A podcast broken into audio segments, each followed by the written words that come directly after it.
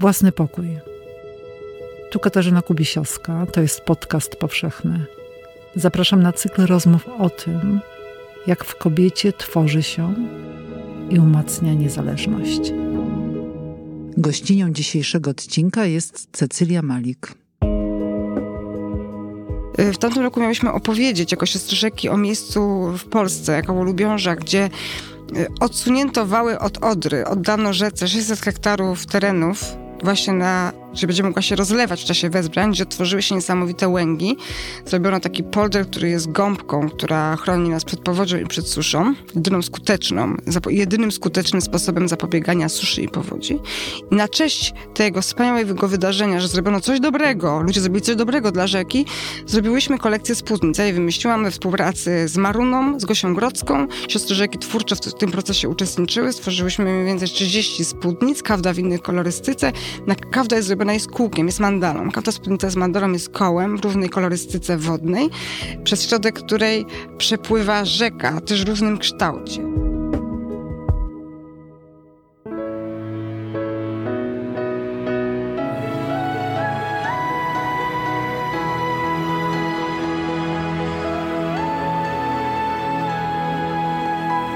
Podcast powszechny. Weź, słuchaj. Dziękujemy patronkom i patronom za wsparcie. Dołącz do grona dobroczyńców podcastu Tygodnika Powszechnego w serwisie Patronite. Dzień dobry z Krakowa, ze studia Tygodnika Powszechnego przy ulicy Dworskiej 1C. Katarzyna Kubisiowska. Dziś ze mną w studiu jest Cecylia Malik. Dzień dobry, Cecylio. Dzień dobry, Kasiu. Mam rozmawiać o własnym pokoju i kiedy zadzwoniłam do ciebie z propozycją tej rozmowy, ty powiedziałaś, że ty nigdy nie miałaś własnego pokoju. No, tak. No, mam dużo rodzeństwa. Wiesz, pięć ja mam, mam pięć sióstr i Szóstka. mieszkałam z dwójką w pokoju. No i co? No i potem też nie miałam własnego pokoju, bo szybko miałam też dzieci. Już na studiach się rozmnożyłam. Zawsze miałam nawet różnych ludzi w łóżku swoim. No i teraz też nie mam własnego pokoju, bo mam trójkę dzieci. Także swój pokój ma Antek, swój pokój ma Urszulka. No a ja z Piotrkiem mamy na razie pokój z Ignacym, bo jeszcze jest duży pokój jakby z kuchnią. Y, jest miejsce, ale nie ma takiego oddzielnego pokoju. No i w rezultacie też tak zawodowo mi się składa, że w moich pracowniach y, też jest jakaś bardzo dużo różnych ludzi. Aha, aha. No a jak y, myślimy o własnym pokoju jako przestrzeni twórczej, to sobie myślę od razu o y, twoich rodzicach którzy są artystami, o ich pokojach, ale w takim sensie nie pracowniach, a może pracowniach właśnie, tylko ludziach, którzy tworzą. Twoja mama jest rzeźbiarką Podpatrywałaś, jak ona pracuje? No ja wiem, jak to było. Tato miał swój pokój, a mama nie. A, czyli tak, tak, tak, tak... Za, tak jest zazwyczaj. Są mama... gabinety ojców? Tak. Mama dbała o to zawsze, jak po prostu to był jakiś dla niej priorytet, że w różnych losach naszej rodziny, przeprowadzkach, yy, do wiedomku małego w górach, zawsze mama dba, że tata miał swój kąt że on miał swoje, swoje miejsce, gdzie mógł trzymać swoje narzędzia, gdzie były jego świątki, takie jego po prostu królestwa. A ona nigdy nie miała. Ona tak jak kobiety e, mieszkała gdzieś w którymś pokoju, miała łóżko, królowała w kuchni, rzeźbiła w kuchni, w salonie stały jej rzeźby i tak po prostu było jej, e, była wszędzie po trochu. I też robiła tą swoją twórczość między innymi rzeczami, zawsze nadając, jakby tak e, komunikując, że ważniejsze są dzieci, najpierw robię obiad, najpierw załatwiam sprawy, a potem jeszcze mam chwilę, więc robię coś swojego. No, ja chyba robię podobnie. No może nie aż tak jak mama, może jednak po prostu yy, no czasami po prostu no, więcej jakby wywalczam sobie tego czasu na swoje rzeczy. To jest taka pokoleniowa zmiana, prawda? No myślę też, że też moja relacja z moim mężem, z moim mężem Piotrkiem jest inna, niż że oni, że oni sobie ustawili e, trochę w związku tak, że był wielki artysta, tata, mama wielka artystka, która jednak pomyślała sobie, że jej mąż jest jeszcze wspanialszym artystą i trzeba mu pomagać go wspierać. Tylko ja mam to szczęście, że mój mąż jest inżynierem, mechanikiem i on mnie bardziej wspiera. Rzeczywiście bardzo Piotrek mi pomaga, a nawet już od wielu lat no, współtworzy ze mną projekty, bo na przykład w filmie Siostry Rzeki jest operatorem drona, ale też właściwie zajmuje się produkcją, e, w sensie taką e, no, logistyką, transportem, dowożeniem, wszystkimi technicznymi rzeczami. Na happeningi, no to razem z Piotrkiem jakby większy, no bardzo wiele e, happeningów po prostu razem finansowaliśmy materiały i produkowanie ich i Piotrek miał zawsze taką otwartość na to i gotowość. No ale teraz na przykład te piękne ryby na wodnych masach to on dla mnie robi, czy każda tabliczka wśród rzek jest wycięta, wycięta, kupiona przez Piotrka w Kastoramie, wycięta i wypolerowane boczki, żeby nam się dobrze trzymało i tych tabliczek naprawdę jest bardzo, bardzo dużo. No więc jest ta różnica, że ja mam faceta, który mnie wspiera, a nie, że ja wspieram jego twórczość, no więc pod względem jest super. Mhm. No a ten e, pokój ojca, jak wyglądał? Jak wyglądał pokój ojca? No pokój ojca zawsze to był jak najmniejszy pokój w domu, bo było dużo dzieci. No i wyglądało zawsze tak samo. Z jednej strony była wersalka, e, na której jeszcze leżały jakieś tam kody, jakieś tam rzeczy. Z drugiej strony był taki stół warsztatowy, tak jakby taki stolarski stół z, z miejscem na i madełka rzeczy do drewna. Pianino czasem było. W jednym mieszkaniu Krowiatwigi to nawet, nawet był fortepian. Potem na Płaskiego, jakby w tym miejscu, gdzie teraz moi rodzice mieszkają, to za to miał po prostu takie elektryczne pianino skrzypce, swoje e, instrumenty, no a całej ściany, tak o, po prostu jak tapeta, od e, sufitu niemalże do podłogi, to były kapliczki z jego świątkami. Czyli jakby cała jego kolekcja, to co on robił, to część była na ścianach, a część była skrupulatnie pochowana w pudełkach, e, zawijana każda w szmatkę w szafach. I tata zawsze miał takie biurko, taki stół przy oknie. Czy to było w jednym mieszkaniu, czy potem drugim, czy w domku w Łapszach. Miał stół e, przy oknie, na którym był jego no taki bardzo e, swój, jego własny warsztat, czyli malutkie e, dłudka, pilniczki, scyzoryki, drewienka, no i tam po prostu powstawały świątki. Robił coś specjalnie dla ciebie? Jakieś figurki? Tak, są jakieś figurki dla mnie, no bo dla każdej z nas tam robił jakiś cykl i często też mówił, że na przykład te, które rzeźbił w czasie, gdy któraś z nas się urodziła, to na przykład jakby są dla nas. No bo to, to rzeźbił od dawna. A potem on wymyślał sobie potem, że któryś cykl jest dla kogoś, który dla kogoś, nie wiem na ile to jest jakoś tam e, obowiązujące. Ja mam na pewno swoje ulubione. E, jakie? E, prace taty mam ulubione? No na przykład takim jednym moim ulubionym cyklem taty są piety, które rzeźbił jak umierała babcia, jego mama. Mhm. To niesamowicie przyjmujący, przepiękny cykl piet, obłędnych i jeszcze do każdej ma piosenkę i, i wiersz. Mm. Twój tata rzeźbi piety, a twoja mama maluje y, Matki Boskie karmiące ale tato też matki ma Madonny z dzieciątkami, ale nie ma Madon karmiących. No tak, mama Madonny karmiące, no wykarmiła dużo dzieci i jeszcze w dodatku ma córki, które karmią z kolei swoje dzieci. Także ten obrazek takiego macierzyństwa, takiej mamy tulącej swoje dziecko, to jest taki, taki obraz, który towarzyszy naszemu życiu. No i mama też jest jakby taką trochę kolekcjonerką, jest zachwycona, jest kole- e, zbiera te Madonny e, z całego świata, stare, nowe, które są dla niej bardzo dużą inspiracją. To chyba nawet ważniejszy jest niż ten czynnik boski, to jest po prostu ten czynnik e, taki afirmujący macierzyństwo. Życie. Tak. A mama pokazywała ci pewną e, warsztat, coś Jak mama pracuje? Cię? Nie, ona pracowała zawsze przy nas. Aha, no właśnie, ale no, no, no tak, przy no, nas pracowała. Naturalne, no, podglądaliście, no, byliście ja, w tym, tak. jesteśmy, mama to robi zawsze tak obok, nie? To też zresztą to robił on obok. Widzieliśmy to. Nie, nie, oni zawsze mieli w domu pracę. Zawsze mieszkanie było pracownią mieszkanie było pracownią. To, no, to było jakby takie ważne. No i jak, jak to było? No, ja pamiętam, e, pamiętam jak nie wiem, miałam tam 7 lat i byliśmy w Łapszach e, w parafii w ośrodku rekolekcyjnym e, księży PR-ów i tam mama robiła wielki witraż. Taki na całą ścianę robiła taki mozaikowy witraż ze Sławiem Ducha Świętego i z jakiejś po prostu fabryki szkła przywieziono szkiełka połamane i z tego taką niesamowitą mozaikę i ja tak na przykład w tym roku poszłam odwiedzić to miejsce i tak patrząc na ten witraż pomyślałam sobie, no chyba ja wtedy nauczyłam się zestawiać kolorów ze sobą. Mhm. Ten kolor jest dla mnie taki strasznie ważny, nie? Żebyśmy mama nam pozwalała na bawić się tymi szkiełkami. Potem kilka razy mama zrobiła takie duże realizacje do kościołów witraży, no to pamiętam, że w dużym pokoju, w którym był salon, w którym wszystko się działo, mama na podłodze rozrysowywała kartony. Także tak, to tak zawsze tak było po prostu w środku domu, jak mama pracowała. No a rzeźba, mama rzeźbi w drewnie. Jak na studiach, jak studiowała, to mama robiła duże realizacje, takie du duże rzeczy i jej dyplom to były takie wielkie ceramiki. Robiła dyplom, jak była ze mną w ciąży. I ona robiła ceramiki do szpitala kolejowego. Przepiękny cykl takich zabaw dziecięcych, cykl pięknych e, płaskorzeźb, takich ceramicznych na całe ściany. I potem rzeczywiście przez, przez dzieci, przez dom mama e, odeszła już od dużych formatów i potem zaczęła robić zupełnie mniejsze rzeczy.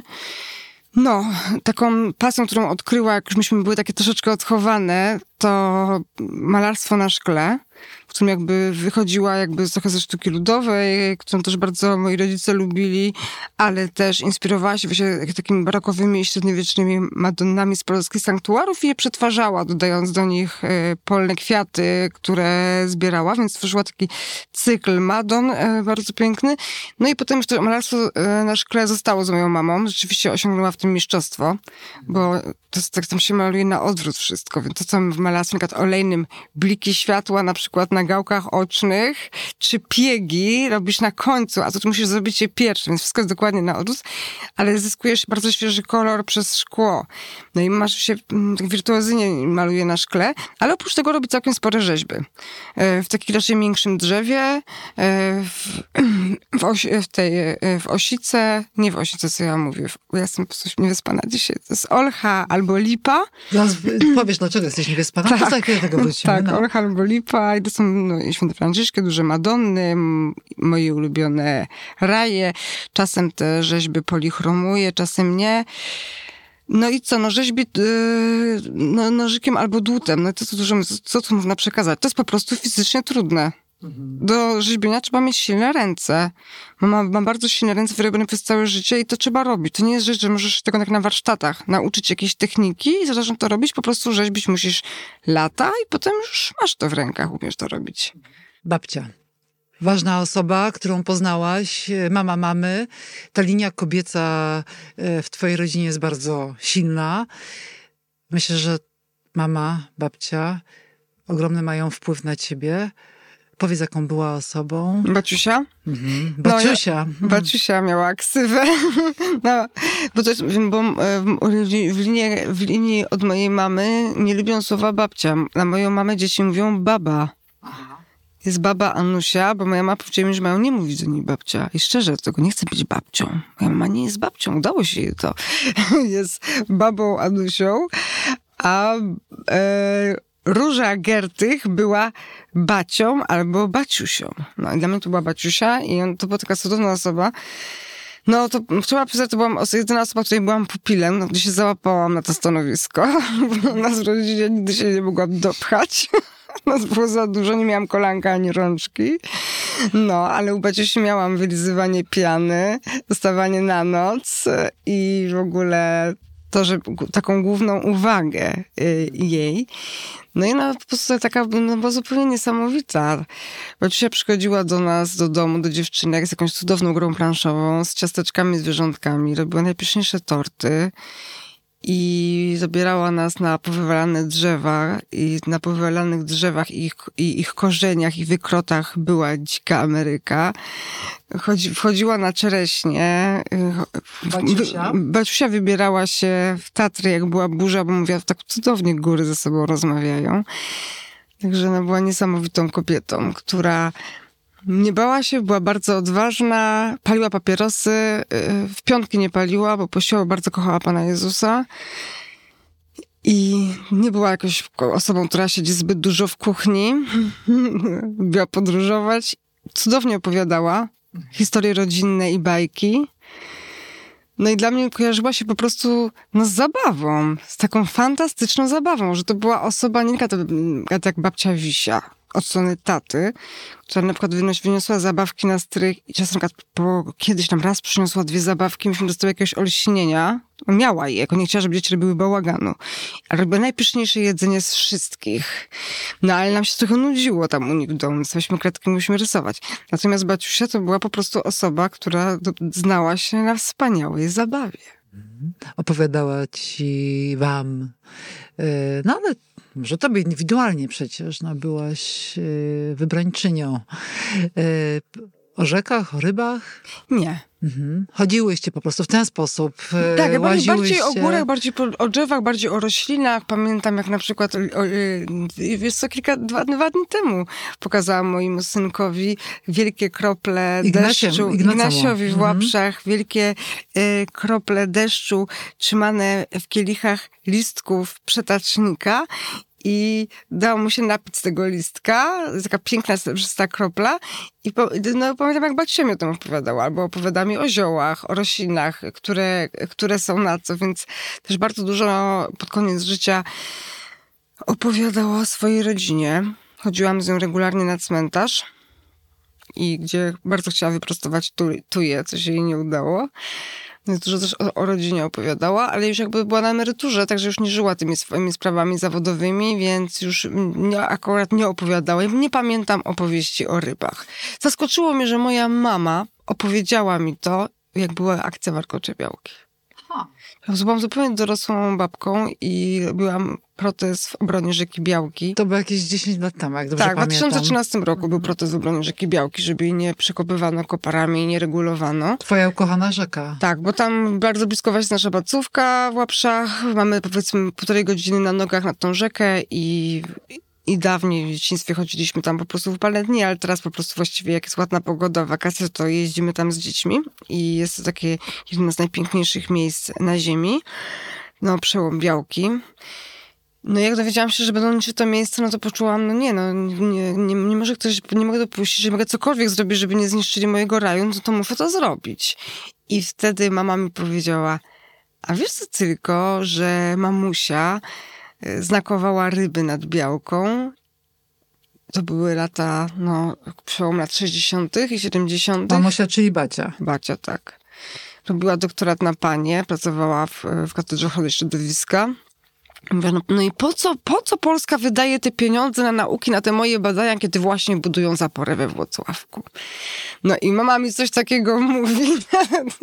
No ja sobie myślałam, że to jest kompletnie niesamowite. I powiem ci, że to akurat był dla mnie argument taki mocny, bo jak zaczęłam przygotowywać akcję Warkocze Białki, no, razem z Galerią Bunkier Sztuki, z, z ludźmi z Krakowa wspaniałymi.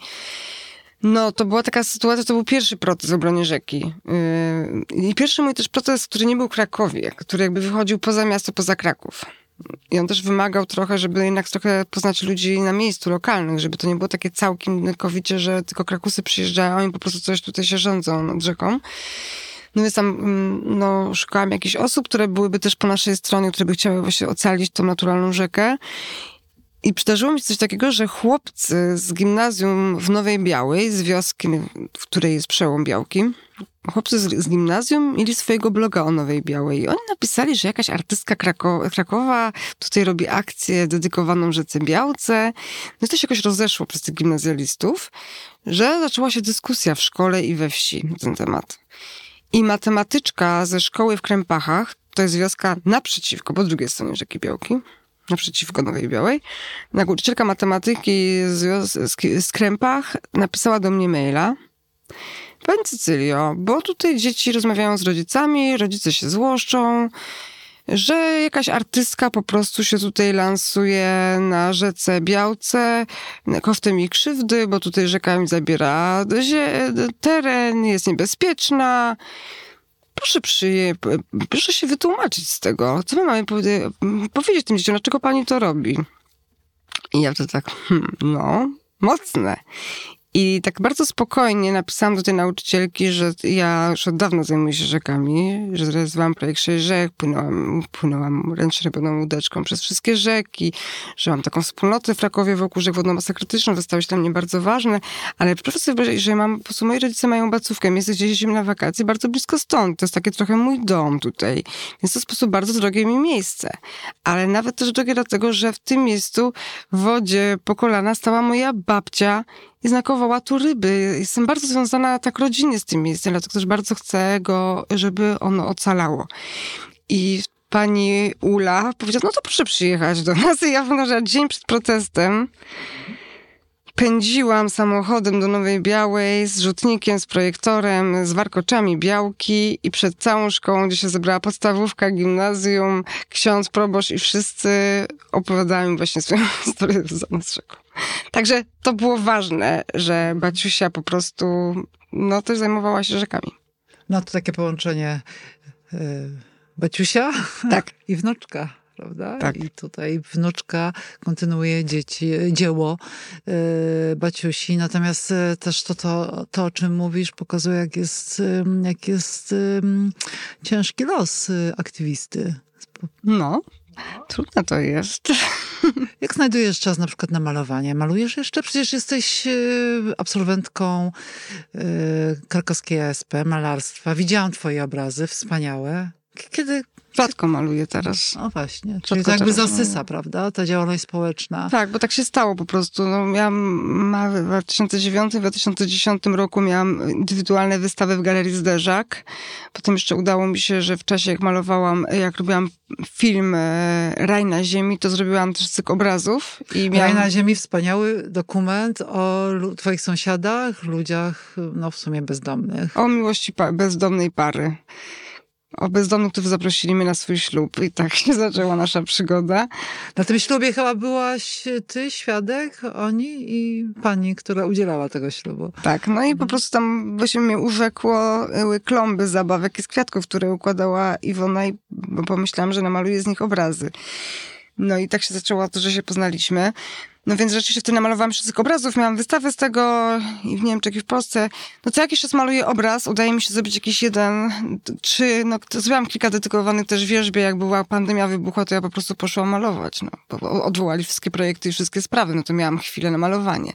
No ale teraz rzeczywiście po prostu zaczęłam robić coś jako artystka, czego prawie nikt nie robi.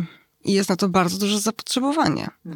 Po prostu e, no, robię sztukę z aktywizmu i wspieram ekologów, ochronę środowiska przy pomocy sztuki. E, Po prostu kreując happeningi, po prostu robiąc jakby taką oprawę do akcji społecznych, wizualną, artystyczną. No daje mi to też dużą satysfakcję. Powiem szczerze, że tak naprawdę, że jakoś tak strasznie to lubię w gruncie rzeczy. Jakoś tak bardzo naturalnie mi to wychodzi. O, to nie jest rzecz, na którą się silę, po prostu to przychodzi do mnie i więc, więc to robię. No i widzę na to, że na to jest bardzo duże zapotrzebowanie. Że to po prostu bardzo dużo dobrego robi i że w zasadzie no, nie ma za bardzo artystów w Polsce, którzy by to robili. Bo to jest też bardzo trudne, bo to nie możesz być wtedy tylko artystą. Mhm. Jeszcze kim? Ja wykonuję dużo więcej pracy nieartystycznej, Takiej- żeby mógł się taki ha- happening odbyć. To, to jest jakby tak, jakbyś na przykład powiedzmy, że ta sztuka to jest e, jakieś takie 20%, 10%, taka już bardzo przyjemna część tego, ale no przede wszystkim musi to być mądre i z sensem, więc muszę zrobić współpracę, robię współpracę e, z ludźmi, którzy się profesjonalnie zajmują ochroną środowiska. Od wielu lat na przykład współpracujemy jako siostry rzeki i jako ja z Fundacją Green Mind która walczy o polską przyrodę, o to, żeby cokolwiek jeszcze ocalało. I to jest nasz wkład w to, w to że możemy jeszcze przy pomocy sztuki zrobić coś, co wciągnie normalnych ludzi, którzy profesjonalnie się tym zajmują, ale coś też, co powie wizualnym i prostym językiem o tych problemach. Jakoś tak po prostu opowie o tym No, tak przemówi. po ludzku. Przemówi, no dotknie. No więc, więc to jest ta praca, która, zbudowanie tej wspólnoty. Poza tym to jest następne, zbudowanie społeczności. Bo dużo większą siłę ma, jak to się robi w grupie, kolektywnie, więc to też jest tak naprawdę do zarządzania taką nową rodziną. Jak ja uczymy je przy to, że razem się lubią, działają razem wspólnie siostry rzeki. To jest kolejne miejsce, że nie mam swojego pokoju, tylko dzielę siostrami rzekami. Mamy jeszcze stowarzyszenie CS Wiewiórka i się kłócimy, co będzie miał na której półce i właśnie ktoś ci robi wernisaż w dzień, kiedy masz ty przygotować swoją akcję, bo mamy wspólną pracownię. Jest to cudowne, bo jest ekipa świetnych ludzi, ale bywa to też bardzo trudne. No więc robię taką pracę, żeby to zbudowanie wspólnoty, współpraca z ekspertami, bardzo dużo pracy organizacyjnej, niesamowicie dużo po prostu takiej zarządzania organizacyjnej, ale też taka praca, że jak wchodzi, dla mnie tak przynajmniej jest, że jak się jest aktywistą, no to trzeba być wiarygodnym. Mówi się bardzo ważne i bardzo mocne rzeczy. I co? A potem ty idziesz na wakacje? Właśnie ratowałbyś świat, zarzucałeś rzeczy politykom, jacy są okropni w ogóle, jak nie dbają o dobro wspólne i co potem, a potem nie masz czasu, bo właśnie musisz dzisiaj odpocząć. No i to są takie, takie wybory, że no, nie masz czasu ogarnąć sobie kuchni, zadbać o swoje rzeczy, tylko jedziesz na kolejną akcję. I też y, dla mnie taka aktywista jest po prostu takim być też długodystansowcem. Jak spontanicznie y, postanowiłam i namówiłam moją siostrę Justynę, żeby zrobić happening w obronie Zakrzówka, to nie zdawałam sobie sprawy, że dla mnie zakrzywek to będzie 10 lat albo dłużej. Naprawdę sobie nie zdawałam z tego sprawy. Jak to się będzie ciągło, to będzie najpierw walka, żeby było mniejsze osiedle. Potem po czterech latach znowu jakieś zmiany polityczne, jakieś kombinowanie. Potem, żeby miasto wykupiło. Miasto wykupuje tylko połowę i jeszcze pomaga deweloperowi.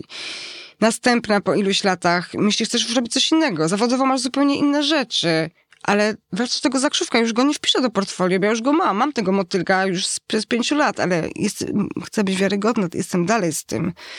No a rzeki, to jest dopiero, to jest cała sprawa, ale ja kocham rzecznych aktywistów i rzecznych ekologów, bo to są ludzie, którzy po pierwsze robią bardzo trudny i bardzo niepopularny temat. Mhm. Chyba w tym roku po raz pierwszy oni dostali głos. Jest to jest niesamowite. Pięć lat temu nikt nie chciał y, Teraz z nami mówisz, rozmawiać. Że, Odrze, że Odra po prostu wyzwoliła, tak? No, eksplodowała. Odra spowodowała, że eksperci z Koalicji Ratujmy Rzeki, ludzie, z którymi współpracują z lat, y, po raz pierwszy mają merytoryczne i obszerne wywiady. Czyli po raz pierwszy opinia publiczna może ich usłyszeć, chociaż oni tą wiedzę starali się przekazywać już od dawna. Po raz pierwszy ich słuchamy. Jest susza zaczynamy trochę odczuwać zmiany klimatu, więc słyszymy ich. Oni to wszystko mówili już wcześniej.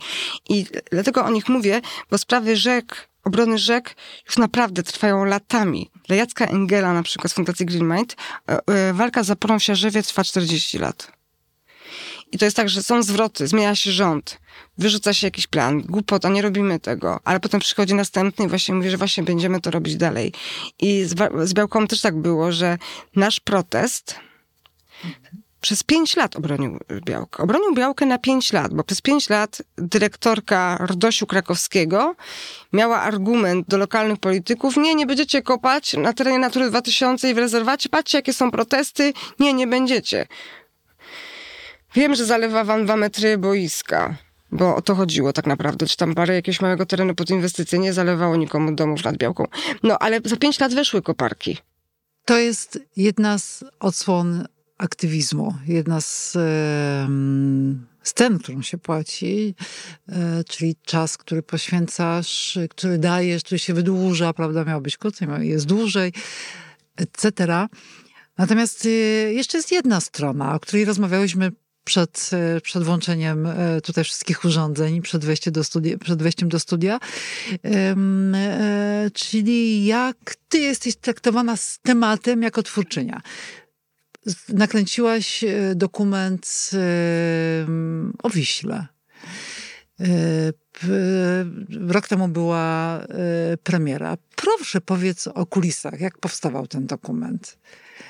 No siostry tak, rzeki. No tak, siostry rzeki. Siostry rzeki, ja po prostu e, e, przede wszystkim koncentruję się na sprawie merytorycznej i na proteście, przygotowując akcję, bo jestem rzetelna i uczciwa do moich przyjaciół, z którymi to robię. Czyli najpierw piszemy postulaty, apele, robimy skuteczny, sensowny protest, ogarniamy rzeczy, ale to, co jest dla mnie nagrodą za e, to zaangażowanie, to jest to, że powstaje coś, powstaje piękno, powstaje sztuka. To jest dla mnie, to jest moja nagroda. Ja wydaję to pieniądze jak na, na farby olej. Ja czuję, jak ja robię protest, ja się czuję tak samo, jakby malowała obraz. Czy jesteś artystką? Tak. W tej sytuacji. Jestem artystką. Tak? Tu kupuję farby, tu kupuję blade ram, a tu kupuję deski, sklejkę, listwy i, robię, i kupuję ich nie 10, tylko kupuję ich 100, bo wtedy będzie to dobrze wyglądało. I nie wchodzisz do zamkniętej pracowni, tylko wchodzisz w otwartą przestrzeń. Tak. I wiem na o tym, że jak ktoś powiedział, tak, a wystarczy 5, a tak nie będzie chyba wyglądało. Musi być 50.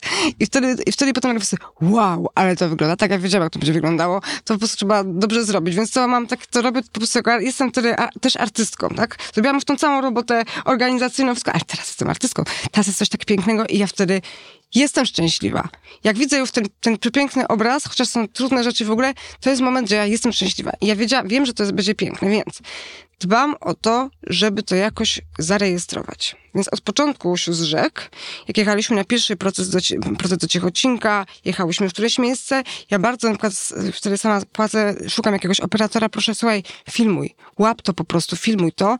I nawet to, to w przypadku z rzek, te materiały leżały nawet dwa lata, nie? Na dysku, nie miałam czasu po prostu nic z tym robić, nawet nie dbałam o to, żeby robić jakieś krótkie klipy, tylko chciałam, żeby zachować te obrazki. Więc pierwszą kulisą pracy nad czystami rzekami było to, że mimo wszystko dbałam, żeby jakoś rejestrować e, nasze przygody.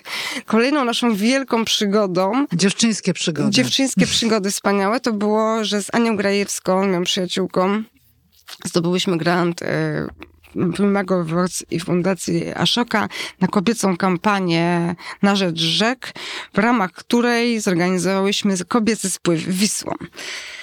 Tak, galarem, no i co? No i jeszcze akcję Mody na rzeki, która polegała na stworzeniu kolekcji recyklingowych strojów kąpielowych i na protestach w formie pokazów mody. I po prostu ja wiedziałam, że będziemy płynąć z dzieciakami. To będzie mega malownicze. Też chodziło w tym spływie o to, żeby po prostu pokazać Polakom Wisłę, o, o co my walczymy, no bo bardzo mało kto tak naprawdę wie, jak wygląda Wisła oprócz tych dużych miast. Więc chcieliśmy po prostu pokazać tą wyspę. Jak pokazać? No trzeba rzekę pokazać filmem. Trzeba zrobić Jazzona, trzeba pokazać te wyspy, te, te lasy łęgowe, no też tą przygodę naszą. No, ale ja nie miałam pieniędzy w tym grancie na to, żeby mieć osobną łódkę, na której będzie na przykład ekipa filmowa. To w ogóle nie były tego typu pieniądze. Myśmy miały tam na, na sternika, na paliwo, tam na, na parę rzeczy, ale na pewno nie na y, film. No i co, no ja wzięłam swojego kanona, wzięłam, e, kolega mi powiedział kup sobie GoPro, bo że nie, że nie będziesz miała czasu nic ostrzyć, ani nic robić. Wzięłam nie, niespełna trzylatka na galar. Czyli Ignacego. Na rzekę i inne babki z dziećmi, to jest bardzo duża odpowiedzialność, bo w rzece po prostu zwyczajnie można się utopić. Trzeba takie dziecko naprawdę strasznie pilnować. Czyli zaktywizowana jeszcze jest odpowiedzialność. Tak, wiesz, że nie spuścisz z oka dziecka. To jeszcze na to nie spuścisz y, dziecka z oka. No trzeba gotować, przecież muszą coś jeść. No i w dodatku... Nasz... Zabawiać dzieci. Zabawiać dzieci i wszyscy muszą coś jeść. Może być zimno, budować obóz codziennie. No i co jeszcze trzeba zrobić? No myśmy jeszcze miały, no to nie było takie, że wakacje, tylko myśmy miały na konkretny dzień dopłynąć do Warszawy, dopłynąć do Torunia, dopłynąć do Gdańska i tam miały się odbywać happeningi. Piotrek samochodem wiózł e, sprzęt na happeningi, nasze oprawy e, akcji, ale ja, ja po drodze, mając internet albo nie mając, yy, ogarniałam organizacje współpracujące, media, kto przyjdzie na ten happening, co tam się odbędzie. Ja siedziałam na telefonie, tu Ignacy, tu Ulewa, no i co? No i czasami jeszcze, o Jezu, jaka super sytuacja, wyciągałam to GoPro albo Canona i coś tam filmowałam. Czasem krzycząc, czasem z, z beznadziejnym dźwiękiem, z jakimś złym światłem. Filmowałam. I jeszcze przypomniał kolega Staszek Barański, który też tam dokumentował. Czasami on brał tego Canona. Super się zdarzyło, że przyjaciel Bartolomeo, e, Koczynasz i Sarczyszewski towarzyszyli nam kilka dni. No to akurat wtedy on polatał dronem, ale inny dzień Piotrek polatał dronem.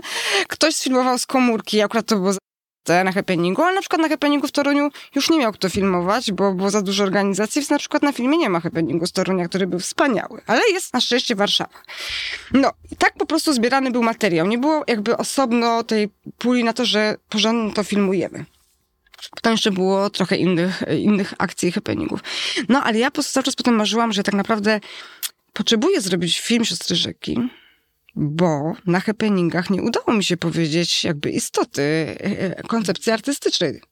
Bo tym konceptem kolektywu Siostry Rzeki jest to, że na ratunek Wiśle przyjdą inne rzeki.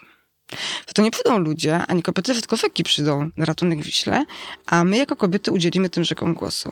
I mi się od początku marzyło, e, ale nie było jak tego w happeningach i zdjęciach pokazać, że że są zasfilmowane te rzeki, które potem przybędą. I wiedziałam, że do tego jest potrzebny film, że stoi dziewczyna w rzece i że to musi być, to muszą być te rzeki z całego kraju, że to musi być wijący, wijący wieprz, bystra białka, rozlana raba, y, spokojnie płynąca nida, że to muszą być po prostu te rzeki. Wtedy poczujemy, że te kobiety, one naprawdę są rzekami. Ta tabliczka to, to chodzi po prostu o tą konkretną rzekę, więc potrzebowałam film. I marzyłam sobie, żeby go zrobić, ale oczywiście ja swoje sprawy artystyczne zostawiałam na drugim planie. Więc najpierw zrobiłam te wszystkie happeningi, te wszystkie akcje, spłynęłyśmy, cały tak, a potem spokojnie napisałam grant, dostałam stypendium miasta Krakowa, więc miałam jakiekolwiek pieniądze, znalazłam dobrego montażystę, z którym już współpracowałam, z którym zrobiłam razem film Rej na ziemi Rafała Małeckiego, którym wiedziałam, że no on też no razem ze mną włoży miłość, żeby to zrobić, bo to będzie bardzo trudne. Bo mamy tutaj materiał najgorszy z wszystkiego i żeby to, zrobimy, że zrobimy ten film. I w trakcie będę dogrywała, co brakuje do tego, żeby się stworzyła opowieść. No, no i po prostu zaczęliśmy pracę nad montażem. W trakcie montażu ja jeździłam po prostu po Polsce, tu do Jaska Engela, wywiad, tutaj do Justyny Budzyń, do Rzeki Biebrzy. Cudowną rzeczą, że mam wielką satysfakcję w tym filmie, która nie, której, w której film nie opowiada, bo nie miałam materiału, żeby o tym opowiedzieć w filmie, to jest to, że to jest, w tym filmie odbywa się spotkanie nieprawdopodobnej elity. To są niesamowici ludzie, którzy są w tym filmie. Bo takim głosem e, puentę robi Karolina Kuszlewicz. Prawniczka. Prawniczka, adwokatka zwierząt. No mówi takie po prostu coś niesamowitego. Chciałaby reprezentować rzekę. To jest niesamowite. Zrobiło na mnie ogromnie wrażenie. I wiesz, ja pojechałam do niej, tak. jak to było, jak, jak ja poznałam Karolinę Kuszlewicz, bo to jest taka kolejna opowieść. Wiedziałam, że ktoś ma w Polsce materiał y, zagłady ryb we Włocławku. To w ogóle nie była znana sprawa. Teraz widzimy zagładę na Odrze.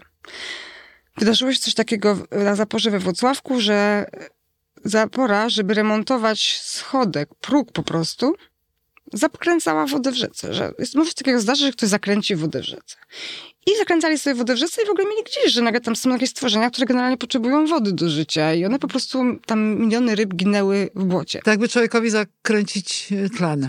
Tak, tak, tak. No ale tak to sobie robili. Tam ich tam, oczywiście tam kilku wędkarzy pofilmowało. Ja wiedziałam, że jest jeden kolega, jeden znajomy, który sfilmował to, który ma te, te zdjęcia. Wiedziałam, że ja muszę je wywalczyć do tego filmu, bo ja potrzebuję obrazkiem pokazać ludziom, że coś złego dzieje się z rzekami. Nie jest tak prosto mieć obrazek, który pokazuje zatrucie albo coś złego, tylko tak jakby nie widać wizualnie. Są liczby, parametry, ale nie ma tego tak w obrazku. Teraz na Odrze masz te obrazki dramatyczne, ale mi brakowało tego obrazka, więc wiedziałam, że on ma, więc muszę to zdobyć. I zadzwoniłam do Jacka Jacek, kto wytłumaczy ryby? Ludziom. A Jacek, Karolina Kuszlewicz. Wynajmujemy ją po prostu jako Fundacja Green Mind do procesu o to, co zrobiła Zapora. No i ja potem pojechałam w czerwona strefa, całkowita pandemia. Zadzwoniłam do Karoliny Kuszlewicz. Cześć, jestem Cecilia Malikona. Tak, super, znak, tak, tak, kojarzę. Chętny, dobra, przyjedź. Będę godzinę w hotelu w Katowicach, przyjazdem, coś tam, coś. I, ja jadąc chyba na akcji wymysłowej już do 6 rano do Katowic zapierniczałam swoim kanonem. Weszłam do hotelu, czerwona strefa, podpisu w ogóle, nikt się nie mógł nigdzie spotykać. No i Spofilmowałam Karolinę, dodając jej kilka tam pytań i już miałam po prostu ten super tekst. I oczywiście ona jest źle oświetlona i w ogóle jest źle skadrowana, jest syfny pokój brzydki z jakimś fotelem, no ale ona mówi wspaniałe rzeczy, mówi cudowne rzeczy. To jest kluczowe. I to jest kluczowe. I tak samo na przykład pojechałam, kto jest rzeką No i następna kolekcja sióstr, tych, e, kim są te siostry rzeki to każda ta kobieta jest absolutnie prawdziwa. Rzeką Wisłoką jest sołtyska yy, z, nad, z z Żydowskiej miejscowej, kobieta, która nie zgadza się na zaporę, która zniszczy tą miejscowość. Rzeką Biebrzą jest Małgosia Górska, to jest babka, dziewczyna, która ma jedyna ekologicznego Nobla, to jest najsławniejsza polska ekolożka z Fundacji dla Biebrzy, z Fundacji OTOP, która dostała nagrodę z rąk Obamy, nagrodę Goldmanów, dzięki te, której założono Fundację Green Mind. E, mam Ewę Sufinszakę-Mark, która jest na poziomie europejskim, lobbuje o polskie rzeki, jest w zarządach zielonych europejskich i po prostu no, zajmuje się ze szkoła literatury rzeki. To są absolutnie niesamowici ludzie. W końcu Nidom jest nasza przyjaciółka, która po prostu mieszka nad Nidom, Grażynka Makara, to jest rzeka jej rodzinna, bardzo, bardzo prawdziwe, także po prostu tam jakby nie ma żadnej ściemy. Ja się tak o to bardzo starałam, żeby to, to były takie osoby, takie prawdziwe. To nie jest do końca opowiedziane, ja mogę to po prostu opowiedzieć dodatkowo. No, więc to, to są jakby część kulisów filmu, a potem zasadniczo kulisów filmów, jak po prostu, wiesz, ja byłam też, ja nie jestem filmowcem. Nie jestem filmowcem, jestem artystką sztuk wizualnych. Czasami się posługuję filmem, bo po prostu dobre to jest donośnik, żeby o czymś tam opowiedzieć. Byłam krytykowana przez środowisko filmowe. Zresztą ja tego filmu nie wysłałam na żaden festiwal. Ja go dałam tylko na krakowski. Bardzo się cieszę, że mogła być premiera na krakowskim festiwalu i też na Green Film Festival w Krakowie. Nie wysłałam na żaden inny festiwal, dlatego, bo po prostu nie mam producenta, nie mam kogoś, kto by się tym zajmował. Ja zwyczajnie nie dałam rady już tego wysyłać na festiwale. Cieszę się jeszcze na jak był pokaz w MSN-ie tego filmu, że przyszła dziewczyna i powiedziała, a odpowiadam za program w centrach kultury i w domach kultury zrobimy, żeby ten film poszedł we wszystkich domach kultury w Warszawie. No ja się z tego bardzo ucieszyłam, bo to jest ten moment, kiedy decyduje się, czy zbudujemy zaporę w Siarzewie, czy nie. I może ten film trochę ludziom to wytłumaczyć z punktu widzenia aktywistycznego. Z całą pewnością warte było nie, żeby to poszło na prestiżowe festiwale, tylko żeby to po prostu poszło bardzo powszechnie do ludzi. Także ja to jakby poszło do Domu Kultury, ja też za darmo to udostępniłam na VOD Green Film Festiwalu, po prostu, żeby ludzie to oglądali. Więc nie było tak, że na przykład dbałam o to, że to będę puszczała na swoich wystawach i jakby to jest, tylko że jakby tak udostępniłam to. No a tobie mówiłam o po prostu jakby takiej wcześniej tej krytyce e, wspaniałych mężczyzn, którzy zrobiliby oczywiście dużo lepszy film e, Siostry rzeki niż ja, bo byłaby na pewno nie byłoby tak źle oświetlona Karolina Kurszlewicz. nie byłoby takich właśnie jakichś technicznych e, słabostek, mm, czy nie byłoby tak źle wyreżyserowane, że ja zmieniam rolę, raz jestem narratorem, raz jestem tam kimś, dobra, tak? No to y, jeden producent, ktoś mi polecił producenta, który mógłby mi pomóc, no to y, on mi powiedział, że mam wspaniały materiał. W momencie, kiedy ja skończyłam film, chciałam, żeby ktoś pomógł mi w dystrybucji, po prostu dystrybucji, żeby to po prostu pokazać. No i on mi poradził, że on zło, żebym złożyła z nim wniosek do PISF-u, żebyśmy zdobyli te jakieś 100 tysięcy albo kilkaset tysięcy i zrobili naprawdę porządny film na Sundance. Naprawdę porządny film. Na Sundance. Mm. I tylko, że muszę więcej zrobić o sobie, żeby opowiedzieć o tym bohaterze, którym ja powinnam być tym bohaterem. Czyli rzeki w tle, a w pierwszym planie Cecylia Sama Malik. robię sobie film, no świetnie. No i wiesz, no i po prostu podziękowałam mu, no bardzo miłe rady, ale ja teraz chcę opowiedzieć o siebie. Przecież możemy też filmem trochę uratować. No to co, jest, no ja sobie myślałam tak, jest wystarczająco dobry. Mhm. Wzrusza. Ma piękną muzykę. Opowiadam szczerze i prawdziwie po prostu historię. Nawet tam jest moje, moje najdroższe rzeczy, najbardziej kocham. Tańczy na końcu moje dziecko. Pokazuje moje najpiękniejsze miejsca na ziemi. Twoje dziecko płynie w, razem z tobą Jedno przez... dziecko płynie, drugie dziecko tańczy. I są happeningi, można zobaczyć, to można jakby zrozumieć cały koncept. Nawet pojawia się na figurka z Torunia, od mhm. której zaczęła się cała opowieść, więc po, po prostu opowiada się o strach rzekach. Pewnie miałbym to bardziej perfekcyjnie, ale jest wystarczająco dobry. No i tu kilka razy miałam właśnie takich właśnie facetów, którzy by zrobili za milion naprawdę dobry film i nie dostałam pomocy. No ale tak to jest, jestem tego przyzwyczajona, że mhm. trzeba się nie przejmować, robić swoje i być dzielnym. To, tak mnie wychowali. Y, dlaczego jesteś niewyspana? Wracamy do tego, co... To się okazało już rano, jak przyszłaś tutaj do tygodnika, wypiłyśmy kawę. No tak, no bo po prostu teraz postanowiłam już y, teraz zabrać się za swoje sprawy. Miałam już teraz w sierpniu i we wrześniu po prostu mieć trochę wakacji w sierpniu, a potem we wrześniu tylko zająć się książką, którą mam napisać. Ale... Książką o Wiśle dla dzieci. Tak ale stała się katastrofa na Odrą. I moi wszyscy przyjaciele, tak cenią, którzy bronią rzek, też y, zostawili swoje wakacje, swoje sprawy i pojechali liczyć ryby nad Odrą, żeby mieć argumenty prawne. Zaczęli robić y, crowdfunding, zaczęli pisać y, teksty eksperckie i wszyscy musieli nagle pracować do drugiej w nocy i robić inne rzeczy, dlatego, bo zajmują się ochroną rzek, a ta katastrofa stała się teraz. No i co? I maile do sióstr rzek. A gdzie są siostry rzeki w takim razie? no, też, też to, że w tamtym roku, rok temu byliśmy nad Odrą na Światowy Dzień yy, Rzek szyłyśmy piękną kolekcję spódnic dedykowanej rzece. Piękne, piękne doświadczenie rzeki. Teraz ta rzeka ginie, jest zatruta. Zła solidarność jakby z, no, z rzeką, z własnymi wartościami, z ludźmi, z którymi razem y, działamy dla środowiska, dla rzek i tylko dlatego to, te działania mają sens, są skuteczne, że właśnie robimy je razem. Więc teraz postanowiłam dalej z nimi być po prostu. I zobaczyłam też taką gotowość dziewczyny z kolektywu Siostry Rzeki, Ania Chmiel, malarka, która teraz bardzo działa, prowadzi Instagrama Sióstr Rzek. Ania Chmiel powiedziała, że jedzie. Ktoś tam powiedział, że jedzie. No ja powiedziałam, no to ja też biorę nasze auto Subaru robimy transparent, przygotowujemy flagi i jedziemy. No, a do tygodnika wpłynęłaś do redakcji tygodnika wpłynęłaś e, w niebieskim całym stroju i w tej spódnicy niebieskiej, której Państwo nie widzą, e, ja mogę opisać, że jest rozklaszowana i ma taką srebrną rzekę, strzałę, wszystko to różnie, można interpretować.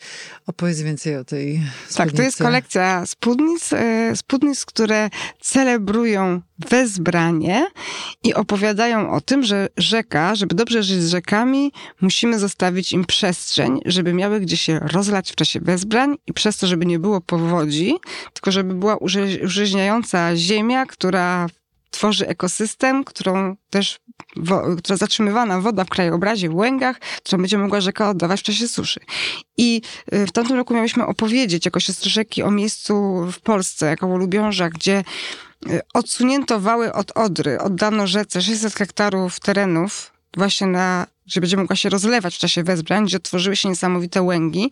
Zrobiono taki polder, który jest gąbką, która chroni nas przed powodzią i przed suszą. Jedyną skuteczną, jedynym skutecznym sposobem zapobiegania suszy i powodzi.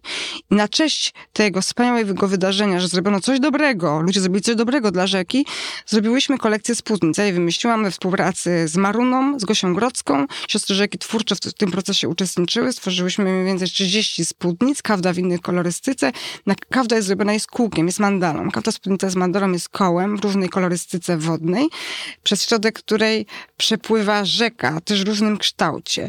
I chodzi o to, że dziewczyny na protestach, jak rozposta, rozpościerają tą spódnicę, to muszą stać daleko od siebie, bo ona jest tak szeroka, pokazując, że rzeki potrzebują swoją przestrzeń, swoje miejsce. A jak się zakręcamy, to na, kręcąc się robimy zupełne koło i wtedy po prostu zamieniamy groźną powódź na życiodajne wezbranie. Na koniec, Cecylia, powiedz e, o takich sytuacjach, takiej sytuacji, takim zdarzeniu, takiej chwili, kiedy ty się czujesz najbardziej wolną kobietą. Chyba nad Wisłą. Byłam teraz tydzień na wyspie nad Wisłą. To były moje prawdziwe wakacje od smutków, od zmartwień, od trosk. Byłam całkowicie szczęśliwa uwielbiam po prostu Wisłę. Jest czymś tak pięknym, nie ma nic piękniejszego w Polsce niż Wisła. Bo potem byłam w Puszczy Białowieskiej, no i nad Wisłą to jednak było to. Raz, że nie ma tłoku, nie ma turystów, nie tak łatwo się tam dostać. Srebrzyste wierzby, wielkie łęgi są dookoła, a na są bielusieńkie plaże z białym piaseczkiem przykosy i łachy to jest po prostu raj, bo jest podłoże po prostu piaseczkowe, gładkie, na którym często jest 10-centymetrowa woda. Woda jest czysta w środkowych odcinkach, dlatego, bo ma, ma miejsce, gdzie się może oczyszczać, bo płynie wieloma korytarzami, ma starorzecza. No i po prostu idziesz pływać do tej rzeki, która ma coś niesamowitego w sobie, bo jest bardzo silna, jest mocniejszy prąd i nurt w Wiśle niż w Białce, która jest taka spektakularna, Białka ma te wodospady i w ogóle wydaje się, ale na Wiśle w zasadzie nie możesz utrzymać się w jednym miejscu, jak płyniesz pod prąd żabką. Więc jest taka wielki masyw, dosyć ciepły, taki płynący z taką wielką siłą wody, a zarazem jest miękka, bo ma niesamowicie miękkie dno, bo jest cała z takiego mięciusieńkiego piaseczku.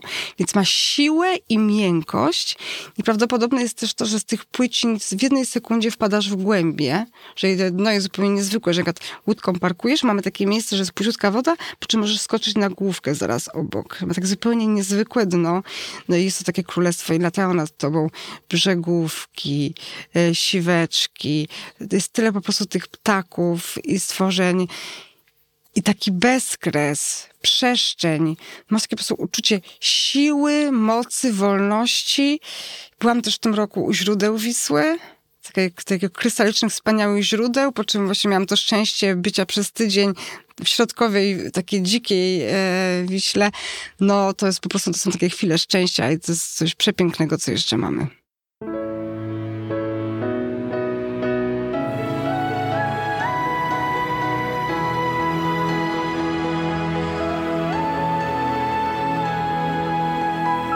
Podcast powszechny. Weź, słuchaj. Jeśli słuchają nas Państwo w Spotify albo w Apple Podcasts, zasubskrybujcie nasz kanał. Jesteśmy też w Google Podcasts i w aplikacji Lekton oraz na www.tygodnikpowszechny.pl/podcast. Dziękujemy patronkom i patronom za wsparcie. Współwydawcą podcastu powszechnego jest Fundacja Tygodnika Powszechnego.